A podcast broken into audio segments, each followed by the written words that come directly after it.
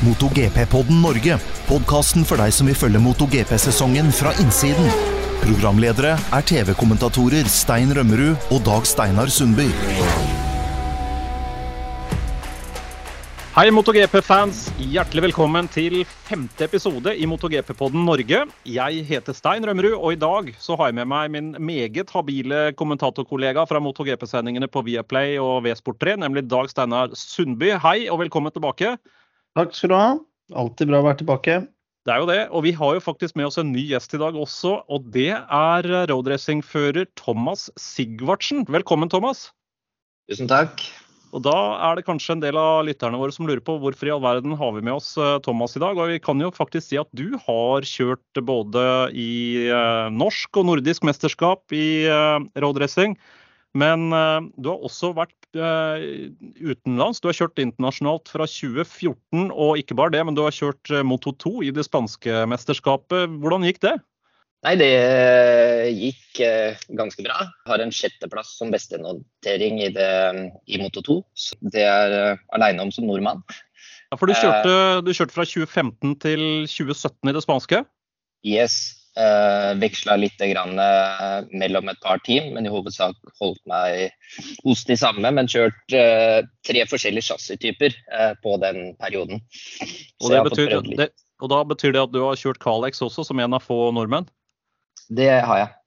Det er veldig kult. Vi skal komme litt tilbake til det. Da var det jo 600 motor i det spanske mesterskapet den gangen. Nå har jo det blitt eh, Triumph 765, sånn som i, i Moto 2 i Grand Prix. Men du kjørte jo fra, eh, fra 2018 så bytta du til Superstock, så da er det mer eh, vanlig Production 600? Ja, da satt jeg på en, først en Kawasaki og så en Yama R6. Eh, samme regelverket som det vi har her i Norden. Så, mm, men gjorde en pallplass på Jerez eh, ja. nummer to, og der har jeg også tatt pole.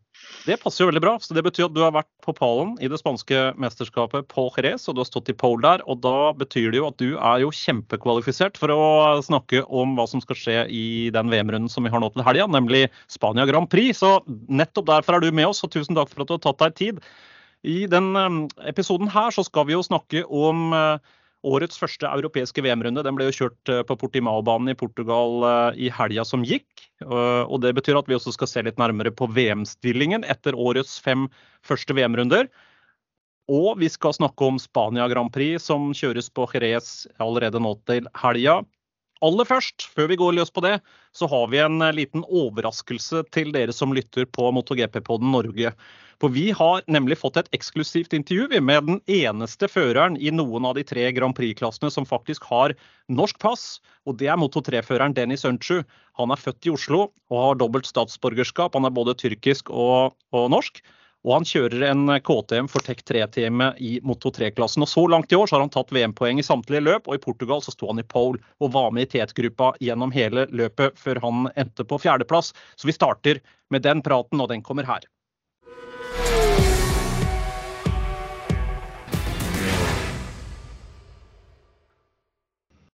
Du, du, snakker litt norsk, ikke sant? Ja, jeg kan prate norsk. Eh, ikke så mye samme som med sin engelsk, men jeg kan prate masse. Men du er, du er, født i Oslo, ikke sant? Ja, jeg er født i Oslo, og jeg har dratt til Tyrkia da jeg var en måned gammel. Eh, og eh, jeg lever der 18 år jeg lever i Tyrkia. Har du vært uh, mange ganger i Norge? Ja, jeg tenker jeg var der fem-seks ganger i Oslo, hvor min sin eh, mamma levet eh, forrige gang. Men nå hun også lever i Tyrkia, i Alanya, i min sin eh, area. Men kanskje fem år jeg har ikke blitt i Norge. OK, ja, men det er bra. Let's uh, let's swap to English. I, I guess that's easier because that's the the language you use in the team and, and in the racing uh, paddock. But uh, it's great to have you on board, and, and thanks for taking the time.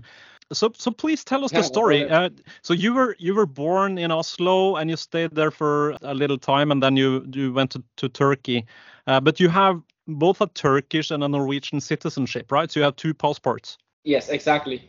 Okay, so do you have any contact with with Norway now these days? Uh, my grandmother sli- uh, still lives in Norway, in Oslo, and the only contact is her. You know, I'm, I'm just on the phone one time in a week. I'm talking with her. You know, uh, but you know, I, I'm not living in Turkey. I just born there, and I was first months in my life I was living there. And after I passed to Turkey in Alanya, uh, from on till now I'm living in in Turkey. But I have been in Oslo uh, maybe five six times. Honestly, I like a lot Norway, but it's a little bit cold for me. And you know, Yeah. It's it's me cool. and the cold, we had we don't have a good relationship. Exactly. So, um, but you and your brother John, you you started very early with with motorsport. Uh, wh- why did you sp- start so early? Honestly, it was not an idea to start racing. It was just okay. We saw two small motorbikes in a in a one shop, and it was on the way to going home. And my father just stopped and okay, let's see. No, we was just three years old, and we just sit on it. And my father really liked how we looked on the small bikes, and said, okay, for the birthday, which is when we are to to, to 40 years old, he was gonna buy it, and it wasn't gonna be a surprise, no, and this day when we entered to 40 years old uh, we saw the bikes and okay we went to ride first time to enjoy. But never we was in the mind to go to race. Just to enjoy when we go to make a picnic to to grill no? To make a barbecue we just went there also riding uh, pocket bikes. And from on we improve and now we are here Exactly. And you, after a while, you went to the Asia Talent Cup. That was back in in 2017. H- how did that go? in Turkey, Kenan Sofolu was making a championship. The name was Kenan 54 Cup. And honestly, the idea was the top three was gonna go to this championship, no? To increase the riders from Turkey to to the Europe, to, to the world. And we, with my brother, was quite fast. I win, and my brother was second.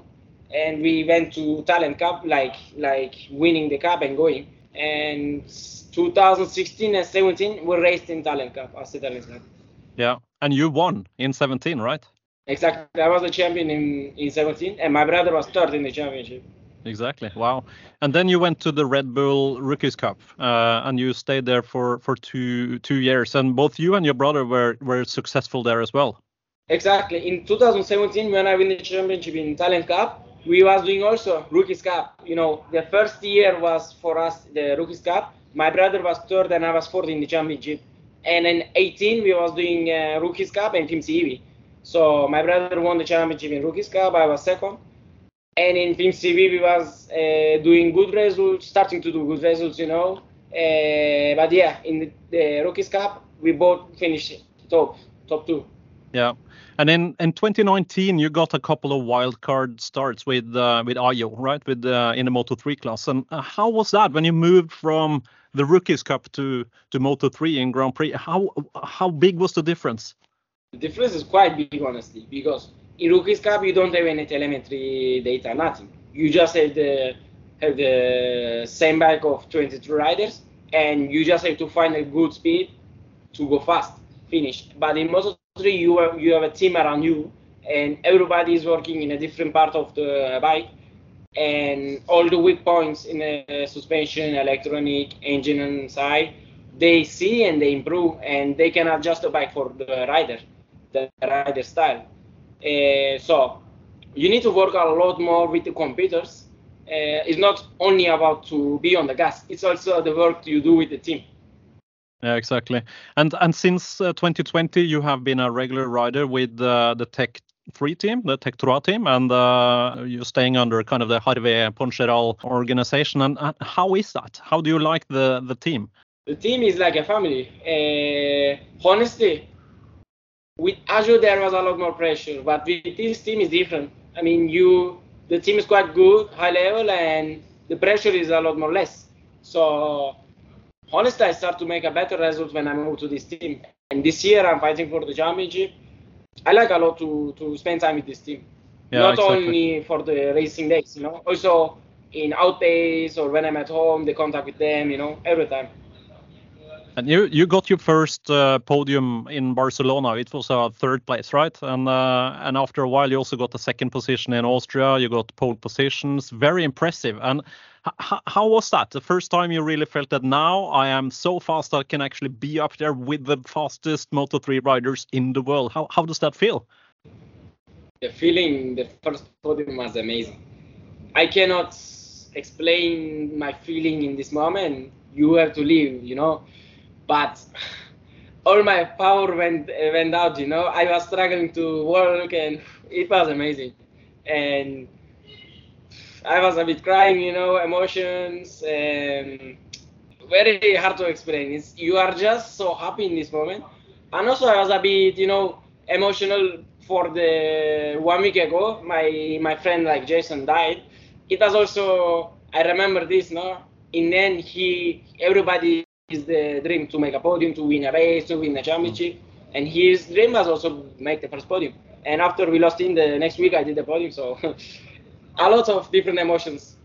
Yeah, exactly. But you have also been involved in in a, quite a few dramatic episodes. I mean, you are you're quite quite uh, aggressive riding style. You like to be up front. Uh, you like to you know control the race, and and sometimes you also push the limits uh, very hard. Uh, for instance, like uh, Jerez last year and Austin last year, you're you're involved in a few episodes there but this year, uh, now you're 18, you seem more experienced. are you more tactical now? Are you kind of uh, a bit calmer?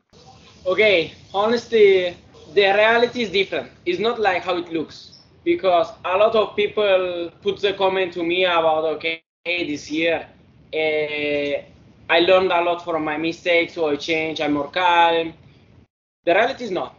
It's not that I changed. Of course, I learned from my mistakes, but this year it's true that the, we finished five races, but the bike is not like I want. I cannot ride the bike at the moment, and especially to make a attack or make a hard brakes.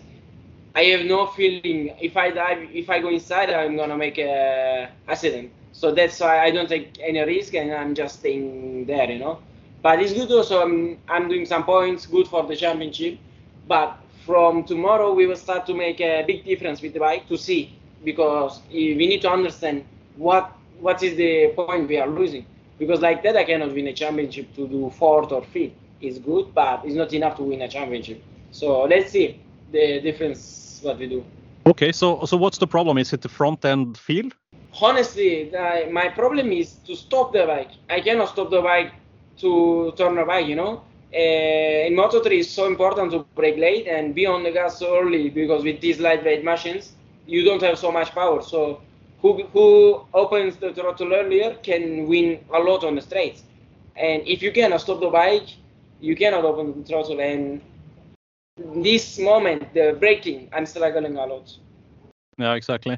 But the, now, after five races, you have uh, 50 points, uh, same as Andrea Minyo, and you're just four points behind uh, Masia. So it seems like you're you're really up there fighting now. And you uh, you had fourth in Qatar, five in Indonesia, uh, then 14, and then again five, and pole position in Portugal and, and four, and you were really up there fighting. So, what's the plan now? I mean, you you obviously have the pace and you have the talent, and you also have a very strong team behind you.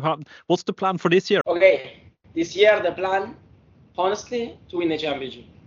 Uh, so far, we didn't uh, we didn't win any race or make any podium for the season this season. Uh, there was a lot of moments that we lost the race for a reason, no? Especially in Argentina, I was quite fast in the warm up, but in the race there was some technical problems, but okay. Uh, or you know, in America, I was losing a little bit for the power of the engine in the straights. But the big the big role was, like I say, the stopping the stopping the bike. I believe we can fix it in in this week before the race. And when we fix this, I will make a big Uh, improvement as a team. And this will be a big part for me to honestly I can start to win races, you know, if we can improve this moment, this point. Because to win a race you need to be more aggressive, to be taking more risk in the last laps. Because if you don't take, the other one take and pass you. So you lose the race. I believe we can do this step and start to win races for the championship. So how do you like the track this weekend, the, the Spain Grand Prix? Do you like the Jerez layout? Jerez is quite nice circuit. Probably a lot of riders like the circuit in this paddle. I enjoy a lot to ride here. Yeah. So when you look at the rest of the season, you have uh, many uh, interesting tracks, and also going back, we're going to Finland in July, and uh, and, and a lot of, of interesting tracks. But what's your favorite track going forward? All the tracks I like because if you like or not, you need to be fast, no? Uh, so I like a lot. But if you need to tell me, okay, pick uh, some circuits, I will choose um, Thailand or Aragon, Sachsenring, you know. Sachsenring I, I enjoy a lot to ride. Basically, these three circuits I enjoy a lot to ride. Yeah. All right. No, that's great, and um, I, I, really hope you will have a strong uh, result this weekend. So, so good luck with the Spanish Grand Prix. And I also know that you have a lot of fans in Norway, and I uh, and I know everyone there is is really cheering for you. So we hope you you will be on the podium very soon, and uh, hopefully we will uh, we will invite you back to the to the podcast. So, uh, Dennis, thanks for your time. Good luck with the rest of the season, and uh, good luck in Spain. Thank you very much, and thanks to Norway for their support.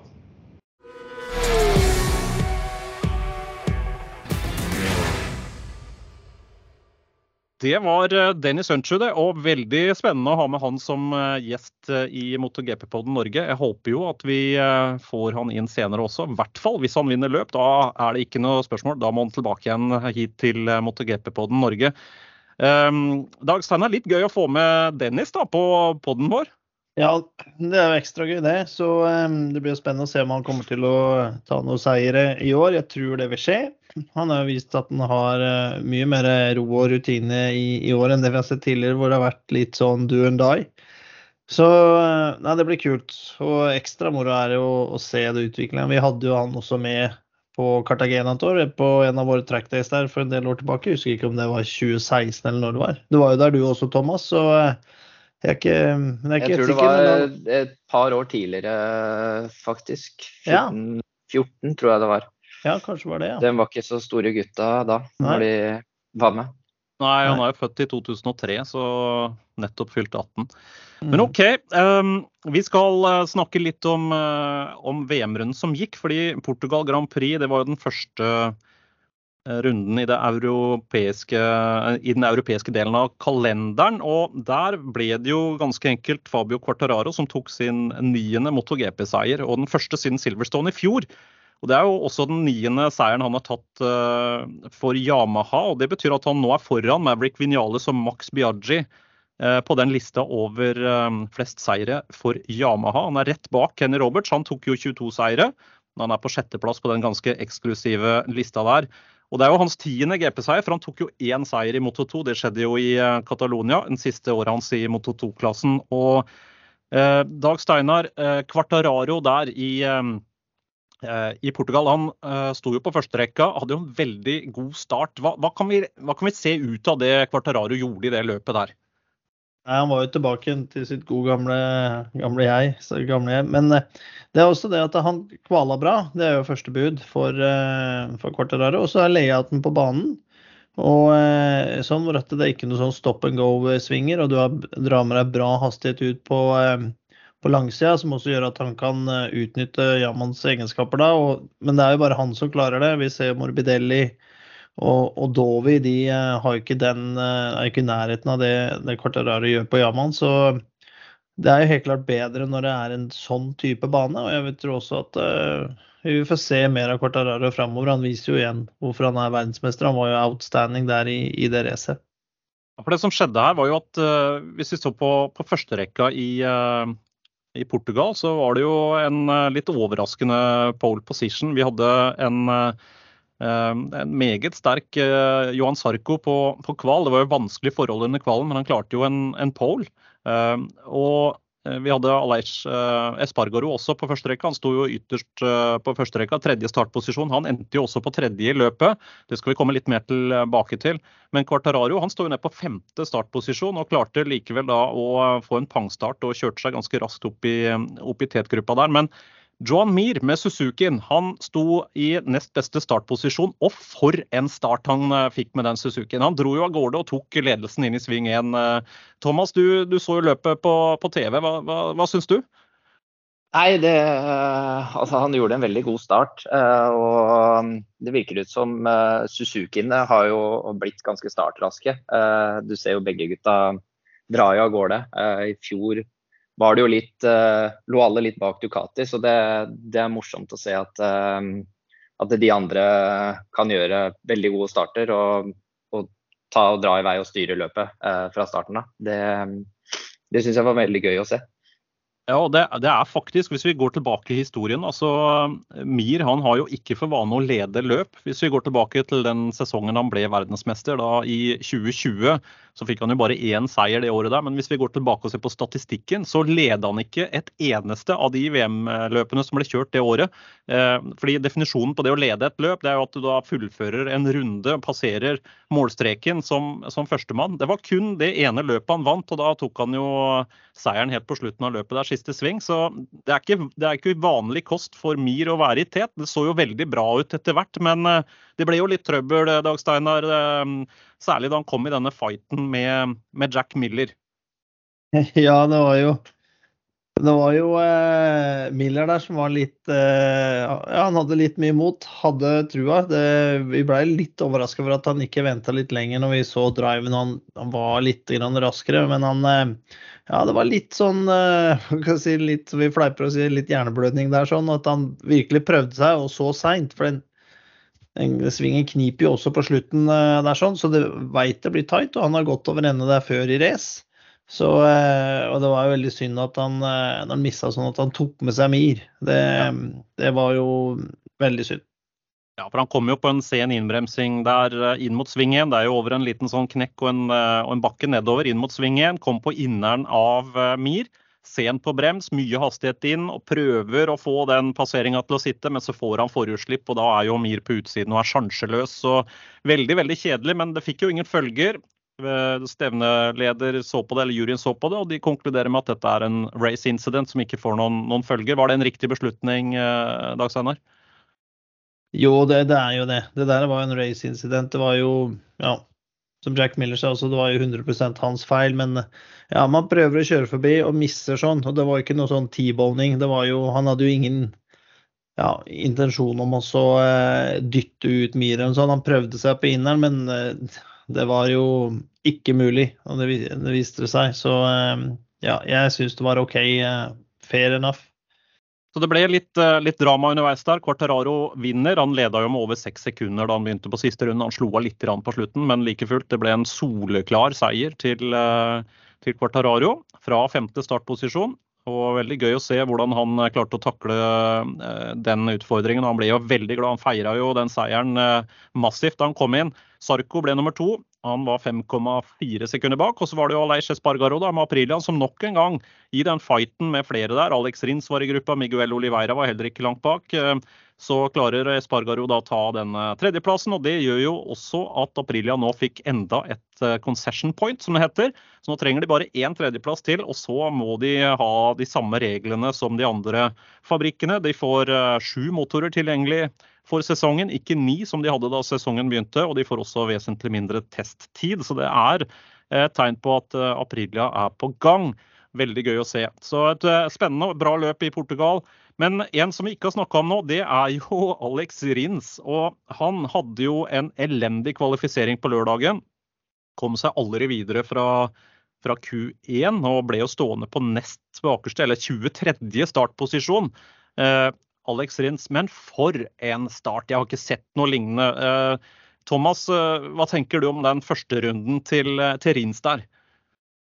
Nei, det er jo Man får vel ikke gjort det så veldig mye bedre enn, det han gjorde der.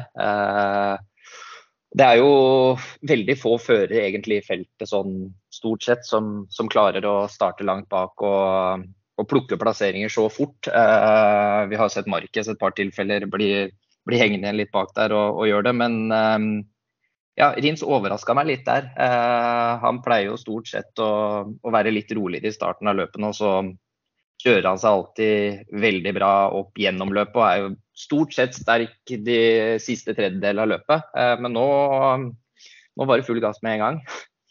Men Thomas, du har, du har jo kjørt på Portimao eh, også. Hva er liksom trikset da, sånn som at han å komme seg fram? Hvor, hvor man Hva er Det- viktig å gjøre? Det igjen er det som satt den prestasjonen der eh, enda høyere hos meg. Eh, For du har eh, ja, eh, T1 som er veldig mye trangere enn det vi ser på TV. Derfor syns jeg Miller der var vel optimistisk, som, som gikk så trangt. Og så har du en liten akselerasjon nå inn i sving to og tre som er Det tetter seg alltid. Og på en førsterunde så er det ekstremt vanskelig å finne finne åpninger eh, på første del av banen. Eh, og så går det opp og ned. Det er trangt. Eh, det er liksom ikke noen sånne klare steder du bare bremser forbi. Så han eh, hadde blikket langt fram og en klar plan på hva han skulle gjøre. Så det, det er bare å ta av seg hatten for det, det han gjorde på den banen. Det, det er ikke lett. Nei, for Han starta som sagt 23. startposisjon, klarte å finne løsninger underveis. Han lå bl.a. i ytterspor i, eh, i sving 3, og det gjorde jo at han fikk en eh, innersving inn mot T4, eller sving 4 da.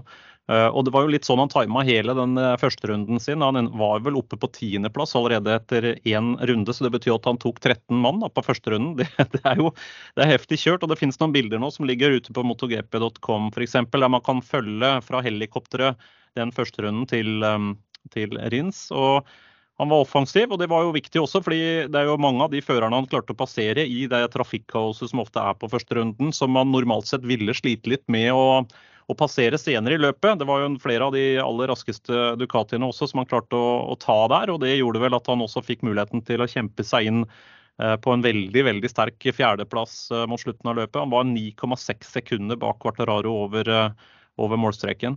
Hjemmefører Miguel Oliveira ble fem. Han var 13,5 bak eh, Quartararo.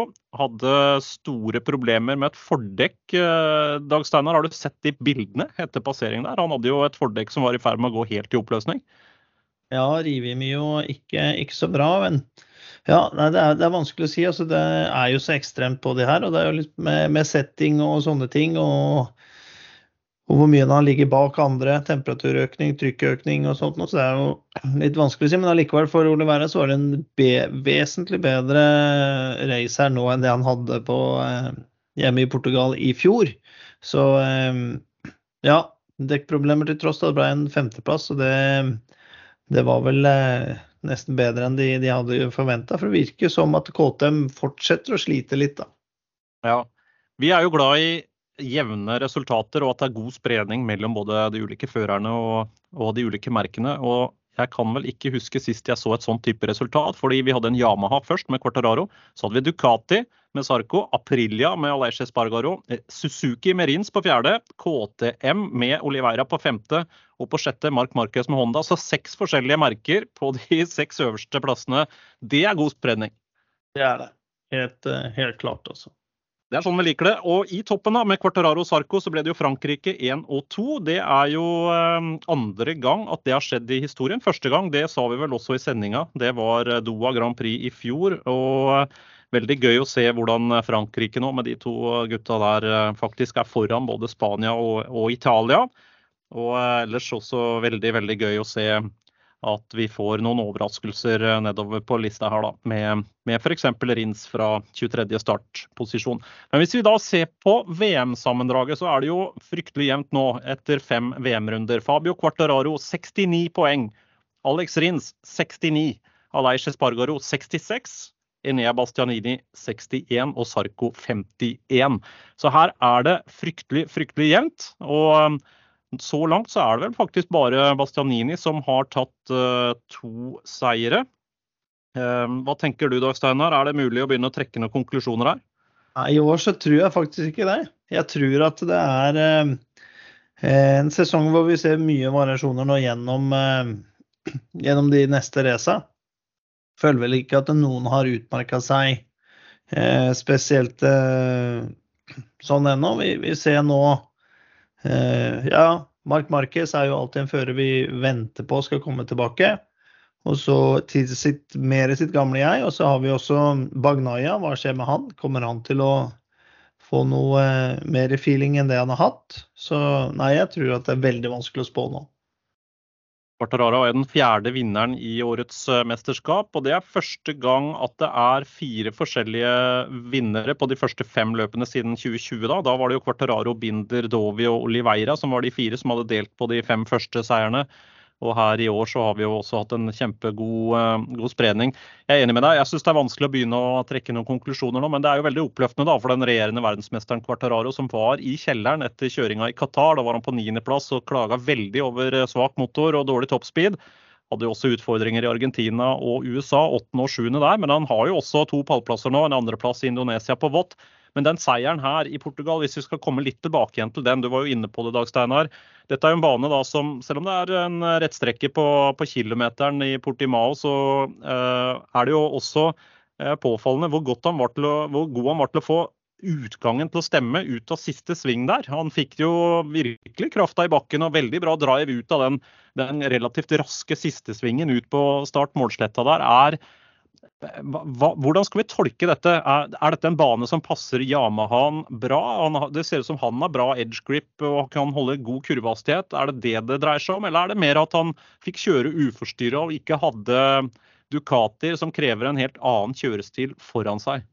Jeg tror det er mye med at han også da klarte å stikke, seg, stikke fram og komme seg i front og, pushe da, og så få kjørt de sporene han, han, ønsker. Det er jo, Nå er det snakk om marginale ting her, men at du kan si at Yaman som han sier sjøl, er at han kan kjøre litt rundere spor, mens uh, han kjører mindre V-spor, som vi sier, da, enn de gjør med, med V4-sykler som har litt mer punch. Um, og da uh, Ja, vi har jo sett han eh, når han havner i kø og trafikk før, at han blir litt frustrert og får ikke utnytta Yaman på den måten som den kanskje må kjøre da, for å få ut fullt potensial. Så er nok, ja, men eh, Samtidig så er jo da Quartararo ganske sårbar. At han er avhengig av å kunne være framme i tet eh, og få kjørt uforstyrra spor for å kunne, kunne vinne. da. Hvis vi skal grave litt mer i det du var inne på der, for jeg vet jo at det er mange av eller lytterne av poden som liker å, å, gå litt i dybden og litt i detalj. Eh, forskjellen på det du beskriver der, det V-sporet og det litt mer runde sporet, hvordan skal, vi, hvordan skal vi beskrive det for en som ikke har kjørt eh, racing? Ja, det tror jeg også vi skal støtte oss litt på, på Thomas. Vi hadde litt sånn racingskole med Thomas når vi var nede på Cartagena nå, hvor vi prata litt om enkelte svinger og, og, og sånn der. Så for uh, hvordan ting også har forandra seg litt, så jeg vil tro Thomas også kan uh, gi et innspill her. Thomas, V-spor. Ja, ja V-spor. Uh, nei, kort, i korte trekk så, så blir det til at snupunktet i svingen, altså der du har mest nedlegg. Eh, du prøver å korte inn den distansen, sånn at eh, på maks nedlegg, den tiden er mye, mye, mye mindre enn eh, når du kjører et tradisjonelt U-spor. Og det er ja, jo mer effektsterk sykkel man har, jo mer V-spor vil man kjøre. Men nå i seinere tid med firetakt, eh, motobrems, eh, sånne ting. Så, så, til og med Moto 3 kjører ganske kantete spor, da, altså sånn V-spor. Men eh, som Dag Steinar sier, jeg tror også når Fabio får ligge alene med, med Yaman, som ikke har helt den samme punchen som mange av de andre syklene, så, så kan han kjøre litt rundere kurver og ha med seg et par kilometer høyere eh, høyere hastighet på, på, Apex der han snur. Da. Så, mm, og da, da har han det litt lettere. Og Da må han også ha et chassis som gjør at han kan holde høy kurvehastighet og ha bra grep med en maks nedlegg. For da, da, vil jo den delen av svingen være viktigere for han. Altså at han ligger mer, altså lenger nede med eller lenger i sving med en maks nedlegg og tar med seg mer fart ut. Mens da en Honda f.eks. som Mark Marquez kjører, den vil da være at han, han bremser hardere og dypere inn i svingen. Snur raskere, og så vil han da rette opp sykkelen tidligere, få mer av slikset eh, mot asfalten, sånn at han får brukt krafta til en, en, tidligere akselerasjon ut. Er det sånn vi kan, kan tolke det?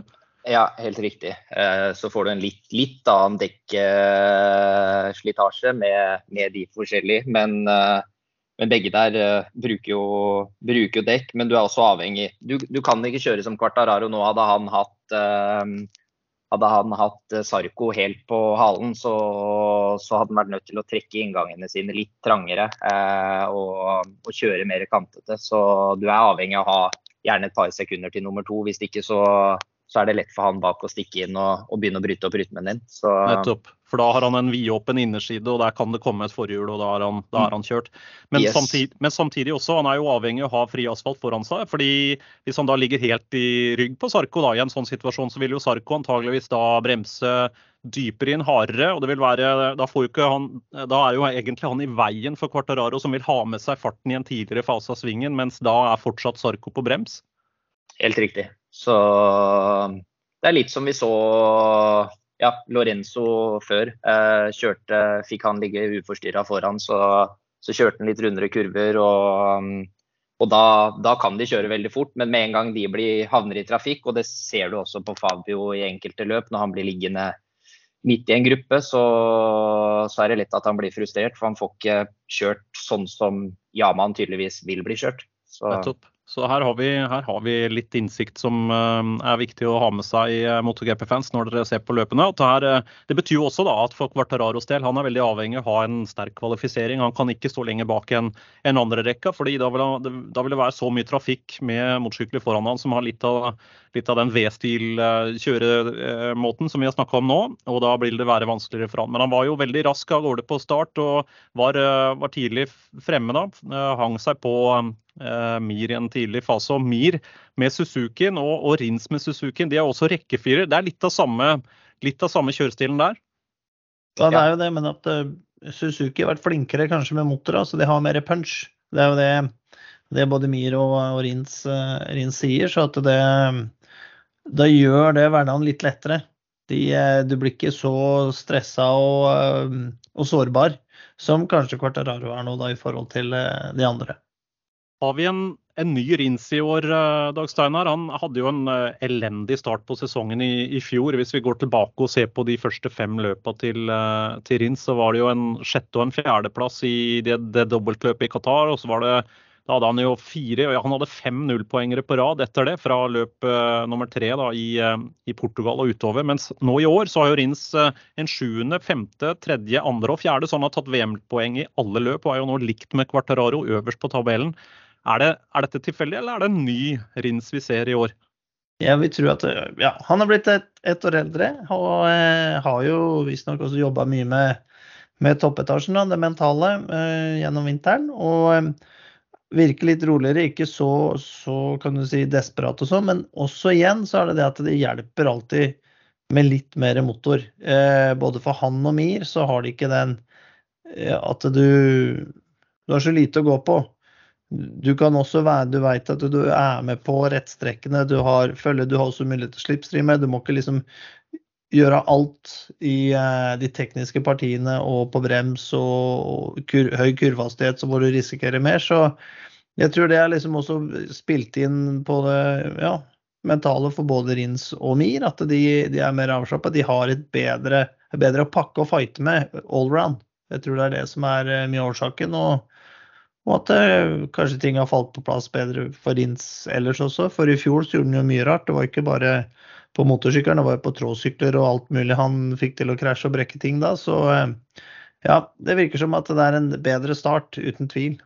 Ja, og vi har jo, vi har møtt Rins i flere sammenhenger, både på, på pressebrifinger og, og Teams-møter og sånne ting. Og han, noen ganger så, kan, så slår det meg at han virker litt sånn uh, ufokusert, at han ikke er til stede. Han virker mangel på fokus. Og eh, jeg ser jo nå på de møtene vi har hatt eh, så langt i år med, med Rins, at han virker mer fokusert. Han virker eh, mer, absolutt mer til stede i situasjonen. Han virker mer tent. Så jeg tror jo faktisk at han kan bli en, en uh, fører som ender ganske høyt på lista i år. Uh, men vi har jo ennå ikke sett noe seier fra han i år, og det er jo en stund siden sist han, uh, han klarte det. Så han må jo absolutt være med å fighte helt, helt inn om seier, Rins, hvis vi skal kunne anse ham som en sånn seriøs mesterskapsutfordrer. Og Apropos det, det er en fører til jeg har lyst til at vi skal snakke litt om, og det er jo førsteføreren hos Ducati, eh, Francesco Bagnaia, eller Pecco som han kalles. Han, han kom jo på andreplass i fjorårets mesterskap. Han var jo råsterk mot slutten av sesongen i fjor, for han vant jo i Aragon, han vant på Misano. Tok også de to siste løpene, da, Portugal og, og Valencia. Og han sto også i pole eh, på den andre runden på Misano. Den, eh, der krasja han jo, men han sto i pole i løpet. og Det var jo da VM ble avgjort. fordi Da kunne jo Quartararo feire sammenlagtseieren etter den krasjen hans der. Men i år så er det jo fullstendig stang ut. og Vi har snakka mye om de sendingene, forskjellen på fjorårets Ducati-racer og 22-versjonen, som selvfølgelig det tar litt tid å få justert inn alt også for, for Bognaya. Men elendig start, da. Null poenger i Qatar.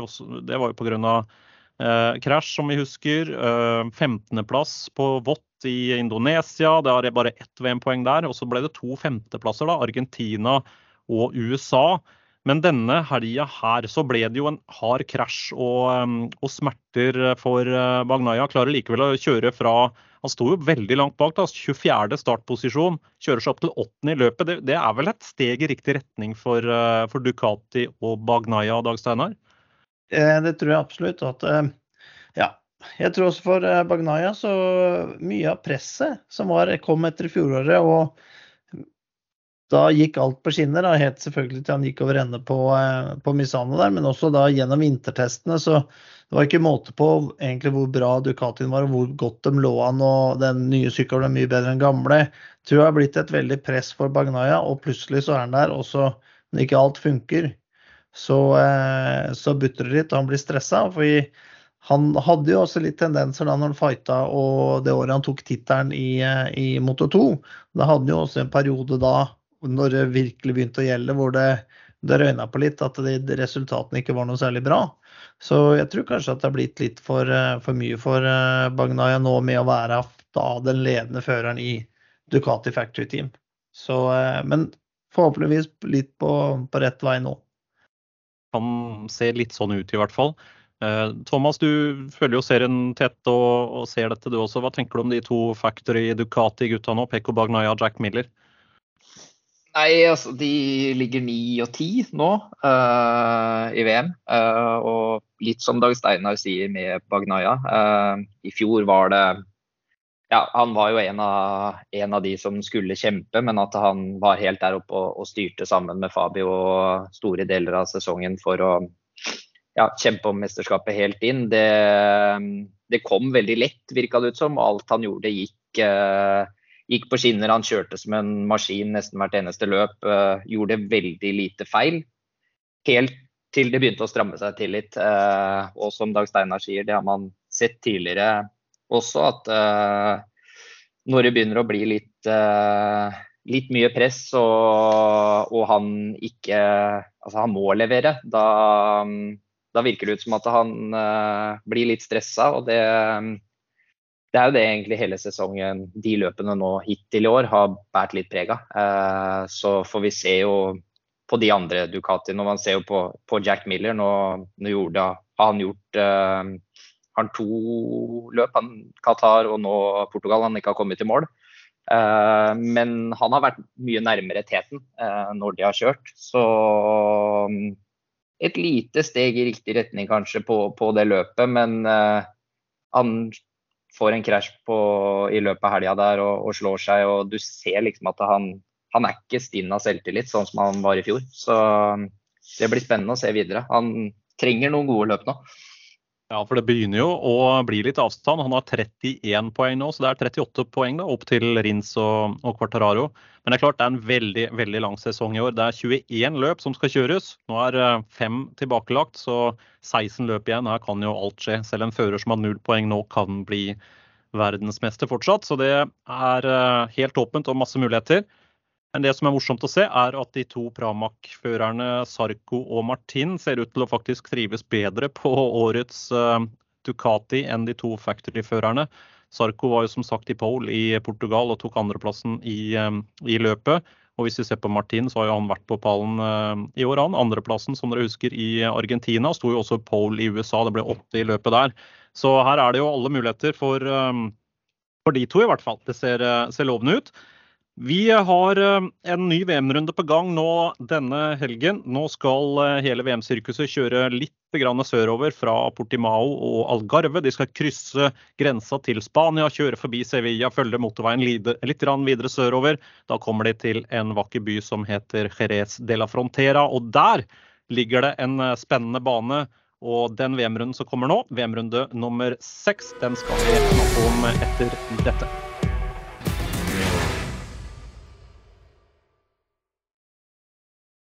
Tida flyr, og nå er det klart for Spania Grand Prix. Den skal kjøres til eh, helgen. Da, eh, Dag Steinar, er det jo du som skal kommentere sammen med Herman Ulvin. Og eh, dette er jo da 36. året på rad at eh, Jerez arrangerer en VM-runde i roadracing. De startet jo i 1987. og eh, i fjor ble det jo kjørt to løp her, fordi eh, det ble jo en sånn underlig pandemisesong. og det betyr da, eller I 2020, mener jeg, da kjørte man eh, to løp der. så Det betyr at det er blitt kjørt 37 ganger med Grand Prix her. Og det er faktisk bare Assen som har eh, arrangert flere VM-runder. De hadde jo 71 runder på rappen fra 1949 til 2019, altså 71 sesonger.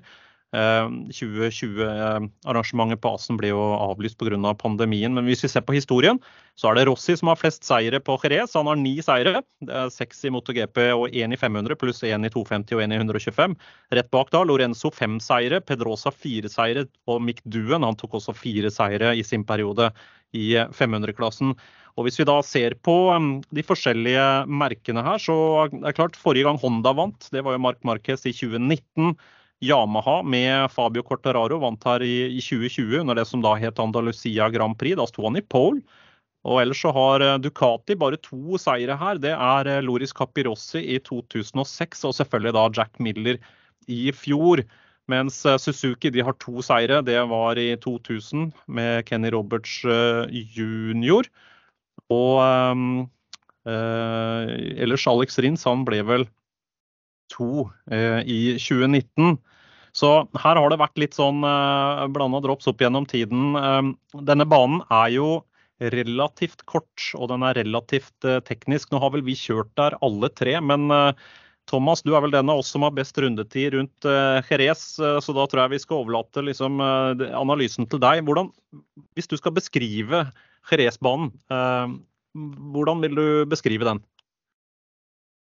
Nei, det er som du sier en teknisk uh, bane. Uh, ikke blant de største og ikke, ikke blant de minste. Uh, men en bane med, med, veldig altså Du kan egentlig dele banen i to. det er veldig mange svinger som henger i sammen, så du, du bygger hastighet over ja, litt over en hel sektor. så du, du, er avhengig av ikke gjøre noen feil feil i noen av de svingene, sånn at du mister litt den grunnhastigheten. Eh, for da, da får du ikke henta inn det før, før, neste runde. Så mm, litt mer sånn nervepirrende når man skal gjøre en kval, eh, for man må være så presis, eh, spesielt da ut fra Michelin, altså kurve to, og helt i enden av bakre langside. Det henger sammen, og der starter man egentlig på nytt igjen helt inn til mål. Så mm, en en heftig bane som har en sånn nerve hele runden. Som eh, du heller ikke har noen sånn typisk forbikjøring, altså innbremsinger. Det, veldig mange av forbikjøringene vi ser der skjer ofte i sving.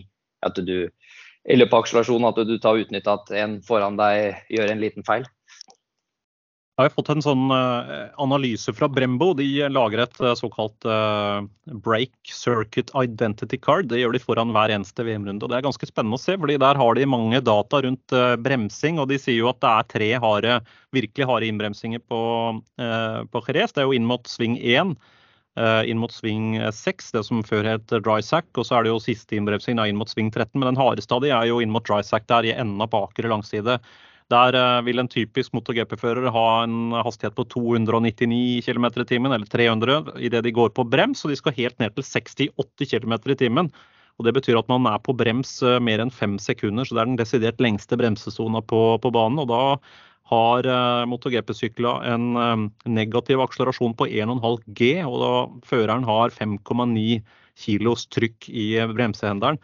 Eh, hvis man skal Eh, se på dagens motorsykler i MotoGP. De, eh, vi var jo litt inne på det. da, Suzuki Yamaha med rekkefirere. Og så har du Ducati Honda V4 sammen med, med KTM eh, og Aprilia. Hva, hva, hva, tenker du på på papiret? Er den sykkelen som bør fungere best på Jerez, Thomas? Det er akkurat sånn som det er nå. Så vi så i fjor med Miller og Bagnaya 1-2. Det viste at den Ducatien fungerer også veldig bra på, på Jerez. Eh, men jeg tror eh, det kan være en bra bane for Yamaha og, og Suzuki spesielt. Eh, vi så litt det nå på Portimao. Når, når man har mye hastighet ut der det, det går fort, så, så lider ikke Yaman like mye som på andre baner. Og det over Sito Pons, altså sving fem her og ut på bakre langsida, så har man høy hastighet. Eh, så du har ikke de Ducati vil ikke ta de der eh, ja, eh, monsterstrekkene sine annet enn på en kval hvor de kan bruke veldig mye effekt. Så jeg tror det blir åpent. Men Fabio nå med veldig bra bra løp sist, så, så, tror jeg nok den Yamaen skal kunne funke bra. Uh, og vel som Suzuki og, og egentlig uh, Ducati. Uh, så Men igjen, det er en bane som, som, det er veldig mange motorsykler som har funka på opp igjennom. Da. Så vi har jo en Marques på en Honda òg, som stort sett pleier å funke på Gires. ja. I, i, I, fjor så sto jo Fabio i, i pole her, men det var det løpet der han fikk armpump og måtte slå av veldig. da, så Han droppa jo nedover. Han uh, leda jo faktisk på runde fire i løpet, og så gikk det jo feil vei hele veien. Uh, men han klarte å plukke noen VM-poeng allikevel. Han endte jo på, på 13, og så tok han den armpump-operasjonen i, i kjølvannet av det. Men uh, Dag Steinar, hva tror du? Du har jo både kjørt der og vi har kommentert mange løp, både onsite på Jerez og, fra studio i Oslo. Men hva, hva, tenker du? Hvem er det som bør være den sterkeste den helga som kommer nå? Nei, Det er jo som alltid nå litt vanskelig å si om at det er så, arsiant, men ut ifra litt hva vi så i Portimao da, og litt lignende, kan du si noen litt lignende baner, selv om det ikke er så mye opp og ned, så så er det jo da eh, Cortararo og Rins, eh, de to førerne. Og så, så veit vi ikke med Virker også som eh, Aprilia er skikkelig in the sweet spot eh, nå, og hand, handlingen og alt er veldig bra.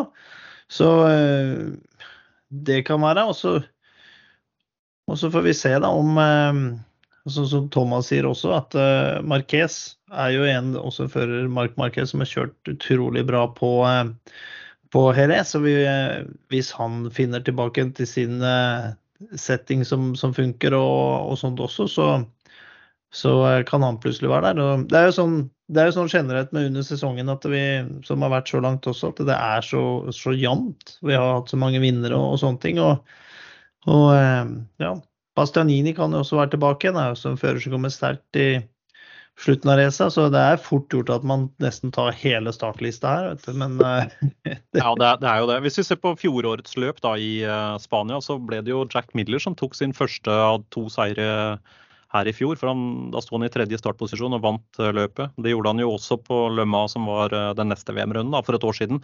Så han vant jo. Og så var det vel også Bagnaia på andre, hvis jeg ikke tar helt feil. det var det. Han sto i fjerde startposisjon. Uh, og Mir uh, Nei, unnskyld. Franco Morbidelli ble tre i det løpet. Han sto jo på første rekke. og uh, det er klart, Dobbelt Ducati her for et år siden. Det var jo bl.a. en Miller da, som var under litt press. Han starta veldig svakt i fjor. To niendeplasser og så en nullpoenger. og Da han kom til Spania, så følte han nok at den kontrakten begynte å være litt sånn i faresonen. Og Da var han ekstra motivert, så han tok den seieren. og Han tok også Frankrike Grand Prix etterpå. og Vi vet jo alle hvordan det gikk. Han fikk fornya kontrakt og kunne kjøre et år til. Men når det gjelder Mark Marquez, eh, som dere var inne på, dette er jo en bane der han har veldig blanda historie. Det var jo her han skada seg også i 2020. Eh, Vi husker jo alle hvordan, eh, hvordan, det gikk, og han prøvde jo å gjøre comeback like etterpå også med en nyoperert arm. og Etter det så var det jo, var det jo et langt skadeopphold for, for Mark Marquez. Tror dere at den altså Thomas, du har jo eh, også prøvd det, å krasje og slå deg og, og sånn. Tror du det sitter igjen? Tror du han kommer til å tenke på det når han kommer hit, at her må jeg i, uh, i sving tre og fire her, her skal jeg være litt, uh, litt varsom? Nei, egentlig ikke. Uh, men nå skal det sies at nå er det to år siden den krasjen. og han har jo mer eller mindre vært permanent skada siden den krasjen. han har jo fått noen nye skader. og jeg tror nok den siste nerveskaden nok, sitter nok mer i for Marquez hvis noe i det hele tatt uh, setter seg på, på um, uh, hodet hans med, med, noen begrensninger. Men krasjen her på Jerez, så var det jo Han var litt het og gikk eh, ja, inn på curben da i, i T4 og var jo egentlig maks uheldig med at sykkelen traff armen. Eh, så jeg tror ikke han ser på det som en sånn spøkelsekrasj. Eh, jeg tror heller han kanskje har godt av akkurat å komme på den banen her nå eh, og finne tilbake en, en De hadde en litt blanda følelse nå på, på Portimao hvor de ikke klarte helt å sette ord på hva, hva det var de mangla, begge Honda-førerne. Og jeg tror Marquez har, har godt av at det er seriøst de skal på nå. For der Vi husker jo det løpet når han krasja. Han hadde enorm hastighet. Ja, det var et vanvittig tempo. Det var jo eh, en sånn desperat uh, oppkjøring han prøvde seg på. Men uh, vi husker jo alle hvordan, uh, hvordan det gikk til slutt. Det vi er helt sikre på, er at vi som alltid kommer til å ta feil når vi spår hvordan det har gått. Men nå har vi vel for så vidt spådd at det kommer til å gå bra med hele gjengen. Så. Ja, jeg var jo nesten gjennom hele startlista. Det eneste jeg ikke tok med, var vel Darwin Binder og, og Remi Gardner. Men ja. Veit vi det om Raúl Fernandes kommer tilbake igjen eh, nå? Om han er friskmeldt, eller om han er fremdeles er ute? Det har vel ikke fått noen indikasjoner på, tror jeg. Nei, det har vi ikke. Nå var jeg litt i tvil. Jeg har nettopp fått noen sånne WhatsApp-meldinger her fra, fra Tech3-teamet. Skal jeg bare se hva det, hva det, sier. Jeg kan jo um, Nei, vi har ikke fått noe bekrefta på det ennå. Så det får vi eventuelt komme tilbake til. Ja. ja. Bra. Da har vi vært gjennom det viktigste når det gjelder VM-runden i, eh, i, Spania. For uh, teamene så er det selvfølgelig eh, en kort reise, og det er enkelt å komme i gang i, i, den VM-runden. Når det gjelder sendetidene denne helgen da, på Viaplay og Moto3, så, nei, Viaplay og V-Sport 3, uh, så er det vanlige europeiske sendetider. Det vet jo dere som, som følger serien fast. Da vil det jo være en fredag med fritreninger. Fritrening 1 og 2, og så braker det løs på, nei, på lørdag med kvalifisering. og Da starter eh, Moto 3-kvaliken klokka 12.30. Og vi har MotoGP-kvalik 1 eh, klokka 14.10 i norsk tid. Mens eh, løp, eh, løpstidene på søndagen det er som da eh, vanlig. Moto 3 klokka 11, Moto 2 12.20 og MotoGP 14.00. Og det blir Dag Steinar og Herman som skal følge dere seere gjennom den seansen.